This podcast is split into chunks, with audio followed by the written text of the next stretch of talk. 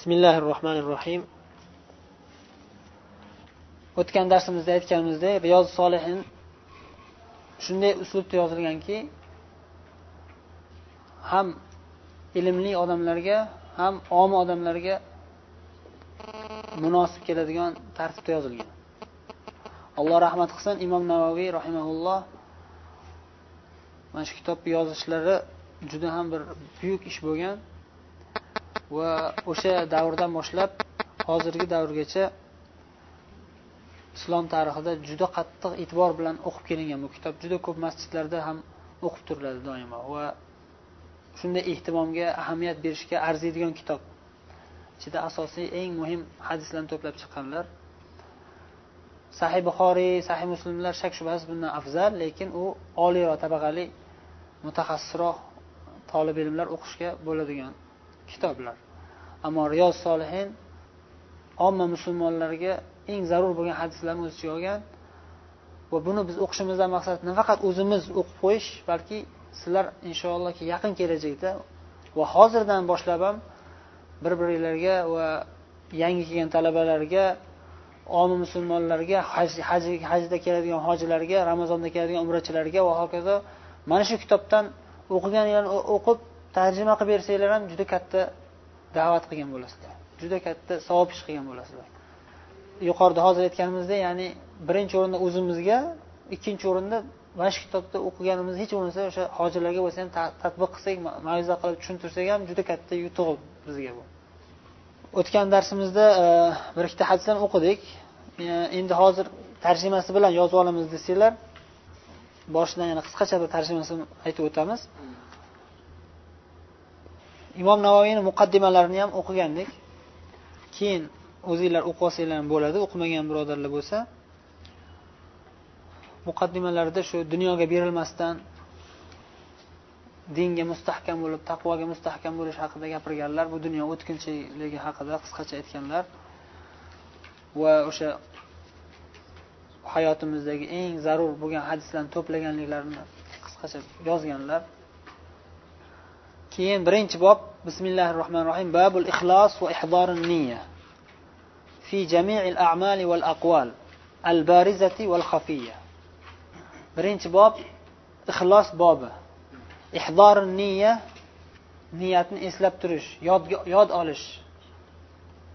Qaysi o'rinda niyatni yod olishimiz kerak qaysi o'rinda niyatimizni yangilab turishimiz kerak desa o'shanga aytyaptilarki fi jamiil a'mali val aqval barcha amallar va barcha so'zlarda niyatimizni yangilab hozir qilib turishimiz lozimligi haqidagi bob deyaptilar. Shunga taalluqli bo'lgan oyat hadislar. Fi jamiil a'mali val aqval barcha amallar va so'zlar deganda al bariza val xafiya zohiriy va maxfiy bo'lgan amallar va so'zlar kirib ketadi. Al bariza zohiriy degan ko'rinib turgan. Val xafiya maxfiy ko'rinmaydigan yoki holi bo'ladigan o'rinlarda holi bo'lingan holatlarda bajariladigan amallar va so'zlar aytiladigan so'zlar. Hammasida ixlos va niyat bo'lishi ahamiyati. Yolg'iz Allohning o'zigagina ixlos bilan amal qilish va gapirish.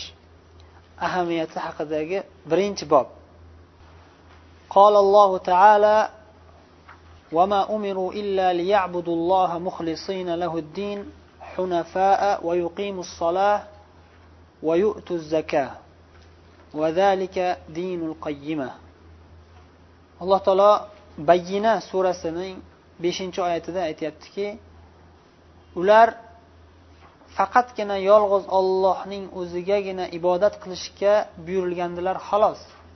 Ular nimaga amr farmon qilingandilar? Ularga nima ish buyurilgandi? Faqatgina ollohni o'zigagina ibodat qilish. Muxlisina lahuddin. Dinni alloh taoloni o'zigagina xolis qilgan hollarida ibodat qilishga buyurgandilar buyurilgan edilar. Ya'ni bu oyat ahli kitoblar haqida bo'lgan bo'lsa ham lekin butun insoniyatga taalluqli xabar.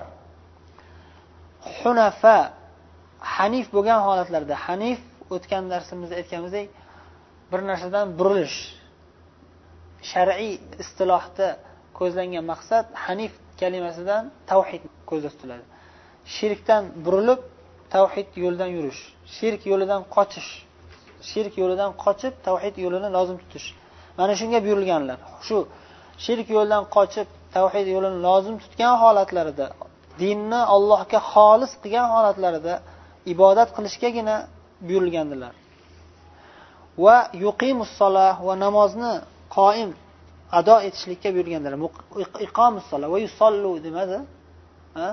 Namoz o'qishlarigagina deb qo'ymadi balki namozni qoyim qilishga buyurilganlar ya'ni namoz o'qiganda mukammal o'qishga buyurilganlar va zaka va zakotni berishga buyurilgandilar.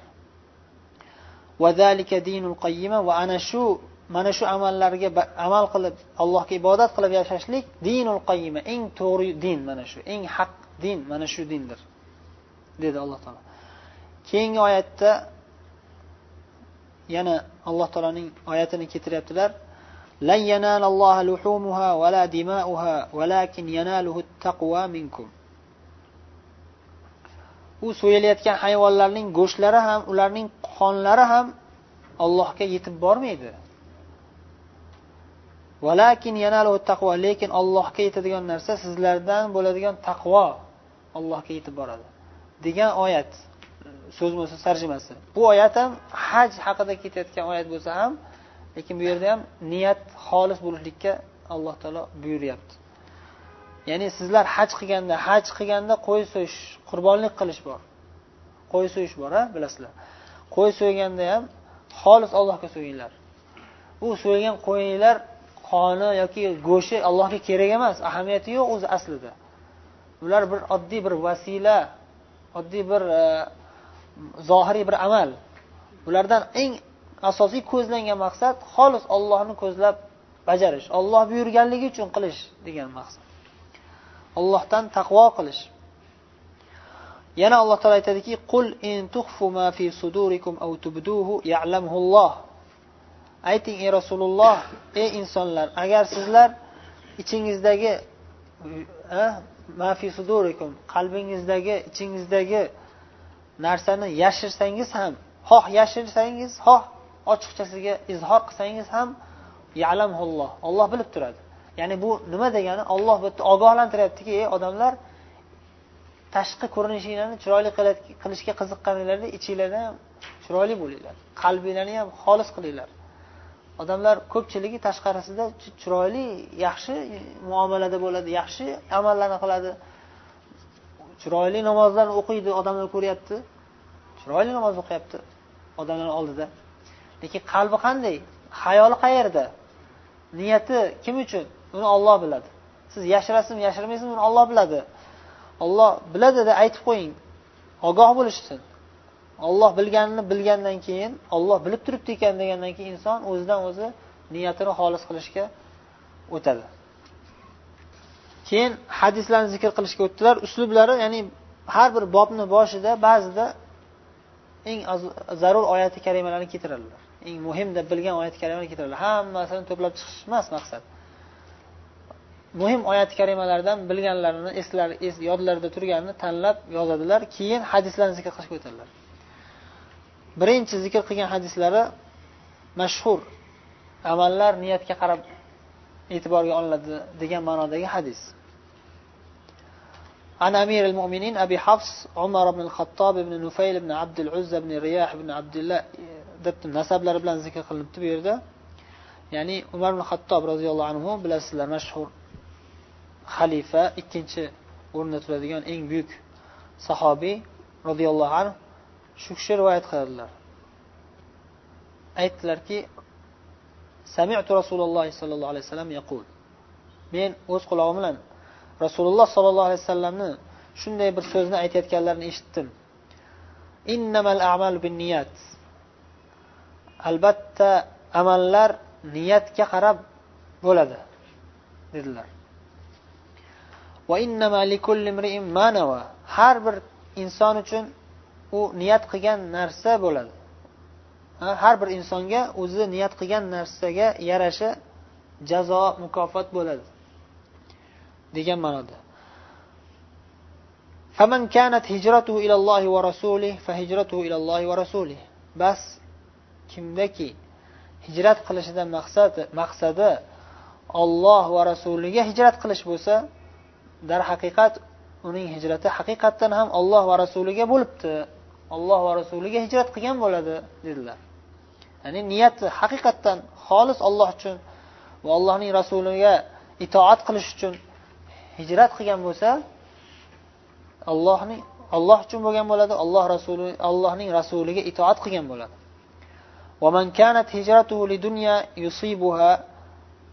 kimniki hijrat qilishdan maqsadi biron bir boylik dunyo boyligiga yetish maqsadi bo'lsa yoki biron bir ayolga uylanish maqsadi bo'lsa hijratdan maqsadi shu bo'lsa nimaga niyat qilgan bo'lsa hijratdan maqsadi qanday niyat bo'lgan bo'lsa o'sha hijrat qilgan narsasiga erishadi yoki o'shanga yarasha jazosini oladi. Degan ma'noda bu hadisni imom buxoriy va imom muslim rivoyat qilishgan mashhur hadis aksariyatimiz takror takror o'qiganmiz va yodlagan bo'lsak kerak hammamiz. Bu hadisdan olinadigan juda ham ko'p foydalarni ham ko'p mavizalarda eshitgan bo'lsanglar kerak. Va ulamolar bu hadisni ahamiyati haqida ko'p so'zlarni aytishgan. Bu hadis dinni uchdan biri degan iboralar bor. Bu hadis niyat hadisi islom dinini yetmishta mavzusiga aloqador bo'lgan hadis degan so'zlari bor. Yana ba'zi bir ahli ilmlar aytishadiki islom dinini hamma sohasiga aloqasi bo'lgan hadis ikkita hadis deyishgan ekan. Islom dinini hamma yog'iga aloqasi bo'lgan ahamiyati bo'lgan hadislar ikkitagina eng asosiy hadis ikkita deyishgan ekan. Bittasi mana shu hadis. Innamal amal bin niyat ila oxiril hadis ikkinchisi man amila amalan laysa alayhi amruna fahuva raddu.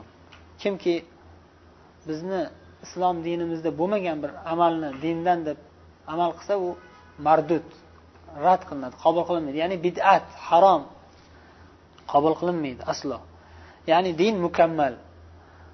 Nima uchun mana shu ikkita hadis hammasini o'z ichiga oladi deyishgan ulamolar? Chunki birinchisida ixlos ikkinchisida sunnat. Yani birinchisida tavhid ikkinchisida rasulullohga ergashish. Bu degani ya'ni la ilaha illalloh muhammadu rasulullohga amal qilish degani. Shuning uchun mana shu ikkita hadis hamma dinni hamma qismiga aloqasi bor yoki hammasini o'z ichiga olgan desa ham bo'ladi. Nimaga desa chunki la ilaha illalloh muhammad rasululloh deb islom odamlar islomga kiradi. Qachon islom kiradi? Qanday qilib islom kiradi desa shahodat kalimasini keltirib islom kiradi. Shahodat kalimasi nima desa yolg'iz ollohgagina ibodat qilaman. Allohdan boshqa hech qanday iloh yo'q. Ibodat qilishga haqli bo'lgan hech qanday iloh yo'q. Birinchi shart shu. Ya'ni niyat xolis bo'lishligi bu. Ikkinchi shart muhammadu rasululloh. Muhammad sallallohu alayhi vasallam allohning rasuli deb e'tiqod qilaman. Ya'ni bu degani rasululloh sollallohu alayhi vasallamdan kelmagan va rasululloh sollallohu alayhi vasallamni sunnatlariga to'g'ri kelmaydigan biror bir amalni qabul qilmayman. Faqatgina rasululloh sollallohu alayhi vasallam orqaligina dinni o'rganaman. Menga boshqa odamlar orqali din kerak emas. Jannat eshigi to'silgan illo rasululloh muhammad sallallohu alayhi vasallam orqaligina jannatga kirish mumkin. Agar boshqa eshik topaman deb ketsa do'zax eshigiga ketgan bo'ladi. Alloh asrasin. O'shaning uchun mana shu ikkita hadis butun islomni o'z ichiga olgan deb ta'bir shunday ta'birlar bilan aytishgan ahamiyatini bayon qilish uchun. Yana ulamolar bu yerda e, rasululloh sollallohu alayhi vasallamni so'zlari juda ham buyuk hikmatli ekanligini ba'zi bir qirralarini bayon qilishadiki birinchisida aytdilarki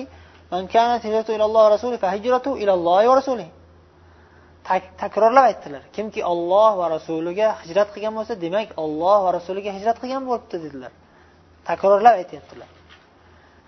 Ikkinchi dunyoviy narsani aytganlarida kimki dunyoga hijrat qilgan bo'lsa dunyo uchun boyib ketish uchun hijrat qilgan bo'lsa yoki bo'lmasam biror bir ayolga erishish uchun hijrat qilgan bo'lsa nimaga hijrat qilgan bo'lsa o'shanga deb qo'ydilar. Otini qaytib takrorlamadilar. Bir marta aytgandan keyin qaytib takrorlab o'tirmadilar.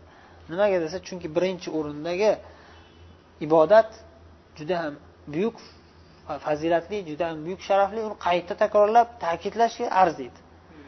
Ikkinchi hijrat ya'ni bu qoralangan hijrat buni ta'kidlab bir marta aytib ogohlantirib qo'yishsa otini aytib ogohlantirilsa bo'ldi. Qaytadan takror o'tirishga hojati yo'q deb pastga urish ya'ni. E'tiborsiz narsa. Qayta gapirib o'tirish hojati yo'q bu narsani degan ma'noda pastga urish. Dunyoviy narsani qaytib gapirmaslik kerak degan. Ya'ni bu ba'zi bir hikmatlaridan. Niyat ahamiyati haqida yana bir og'iz so'z. Har bir amalimizda niyat bo'ladi. Faqat niyat darajalari bo'ladi. Hech kim bir ishni o'zidan o'zi qilmaydi. Ya'ni qandaydir ichida bir talab paydo bo'ladi o'sha narsaga. O'sha talabga binoan keyin bajaradi. Nima ish qilsa ham? Xoh dunyoviy xoh diniy ish bo'lsin. Qanday bir ish qilsa ham baribir ichidan boshlanadi hamma narsa. Ichidan xohish paydo bo'ladi. O'sha xohish paydo bo'lib kuchayib keyin niyatga aylanadi keyin amalga o'tadi. O'shaning uchun boshqa hadislarda ham rasululloh alayhi vasallam bir hadis qudsiyda u ham muttafaqun alayhi hadis niyatni ahamiyatini bayon qilganlar. Bir yomon narsaga niyat qilib turib keyin o'sha narsadan qaytishni ham ahamiyati bor. Bir ish qilayotganda umuman niyat qilmasdan oddiy holat odatiy holatdek qilib ketavergandan ko'ra oddiy ishi ham xolis bir niyat qilib amal qilsa ibodatga aylanib savobga o'tib ketishini bayon qilgan hadislar ham bor. Choy ichasizmi uxlaysizmi ovqat yeysizmi bular o'zi oddiy ish. O'shani ham o'zingiz ixtiyorsiz qilmaysiz.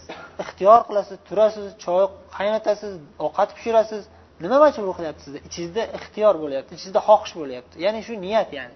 Lekin xolis niyat bo'lmayapti. Tabiiy niyat bo'lyapti bu. Tabiiy xohish bo'lyapti. Agar shu shuni xolisga aylantirsangiz ya'ni olloh uchun mana shu ollohni ne'matini yeyib ollohni toatiga ishlataman deb. Shu ollohni ne'matidan foydalanib ollohni toatiga erishaman shunga amal qilaman desa ha? O'sha narsa ibodatga aylanadi. Va uni oqibatida nima bo'ladi? Savob bo'ladi. Va nafaqat savob bo'ladi oxiratda balki shu dunyoni o'zida barakaga aylanadi haligi. Kichkina ish qilasiz lekin haligi ishni barakasi ko'payib ketadi. Imom abdulloh muborak aytganlaridek rubba amalin sag'ir tuazzimuhu niyya. Rubba amalin kabir tuhaqqiruhu niyya. Ya'ni shunday bir amallar bo'ladi o'zi kichkina amal bo'ladi lekin o'sha amal qilgan odamni niyati katta bo'ladi haligi amal kattaga aylanib ketadi. Yana ba'zi odamlar katta katta amallarni qiladi. Masjidlar qurishi mumkin madrasalar qurishi mumkin yetimxonalar qurishi mumkin. Minglab yetimlarni bevalarni boqib yaxshiliklar qilishi mumkin. Lekin xo'ja ko'rsinga odamlar maqtasinga. Odamlar uchun mani hamma maqtasin el uchun deb xalq mani maqtasin deb xolis olloh uchun bo'lmasligi mumkin. Natijada nima bo'ladi? Shu niyati xolis bo'lmaganligi uchun pastga aylanib ketadi. Haqir bo'lib ketadi e'tiborsiz bo'lib ketadi yo'qolib ketadi. Yana bir hadisda rasululloh aytdilar sabaqa dirham miat alf dirham dedilar. Mashhur hadislardan. Bir odam bir dirham sadaqa qildi yana bir odam yuz ming dirham sadaqa qildi. Yuz ming barobar ko'p narsa sadaqa qildi. Lekin sabaqa dirham shu bir dirham bu yuz mingdan oshib ketdi deyaptilar. Nima uchun? Niyati kuchli bo'lganligidan xolisligi olloh uchun bo'lgan xolis bo'lganligi uchun kuchli. Shunday bir tarixda biza ilm haqida ilm olyapmiz ilm haqida ham niyat ahamiyatini ilm ilmda ham niyat ahamiyatligini aytib o'tsak tarixda shunday ulamolar o'tgan ko'p odamga dars berishmagan. Bitta ikkita shogird qoldirib ketgan xolos. Lekin uni u odam o'zidan keyin qoldirib ketgan shogirdi keyin minglab balki yuz minglab odamlarga dars bergan. Kimga boradi savobi? Haligi kichkina ish qilib ketgan odamga savob bitta odam dars berib ketdi xolos. Ba'zilar ikkita odamga dars berib ketdi xolos. Lekin o'zidan keyin qolgan ilm haligi bitta odam orqali bo'lsa ham butun dunyoga tarqab ketdi. Imom abu hanifa nechta shogirdini eshitgansizlar misol uchun. Ko'p shogirdlar bor lekin eng mashhurlaridan ikkitasi bor. Abu yusuf muhammad hasan. Ikkalalari butun dunyoga deyarli imom abu hanifani e, fiqhlarini imom abu hanifani axloqlarini tarbiyalarini tarqatishgan desa ham bo'ladi. Bu bir misol. Hozir payg'ambarimiz sollallohu alayhi vasallamdan qiyomatgacha qancha musulmon bo'ladi bilmaymiz. Milliardlab bo'lar. Milliardlab hamma milliardlab musulmonlarni savobi kimga borib turadi? Rasululloh sollallohu alayhi vasallamga eng katta ustozimiz eng katta imomimiz rasululloh sallallohu alayhi vasallam bitta inson. Bitta insonga borib turadi. Niyatlari xolis bo'lganligi uchun ha juda olloh yo'lida fidoyi bo'lganliklari uchun alloh taolo shu darajada ko'p ajr savob berib turadi. Qiyomatgacha to'xtamaydi. Va ulardan keyingilari o'zlariga yarasha ajr savob olishaveradi. Allohdan so'rab qolamizki hammamizga xolis niyat nasib qilsin va amalimizni ham sunnatga muvofiq bo'lishini nasib qilsin.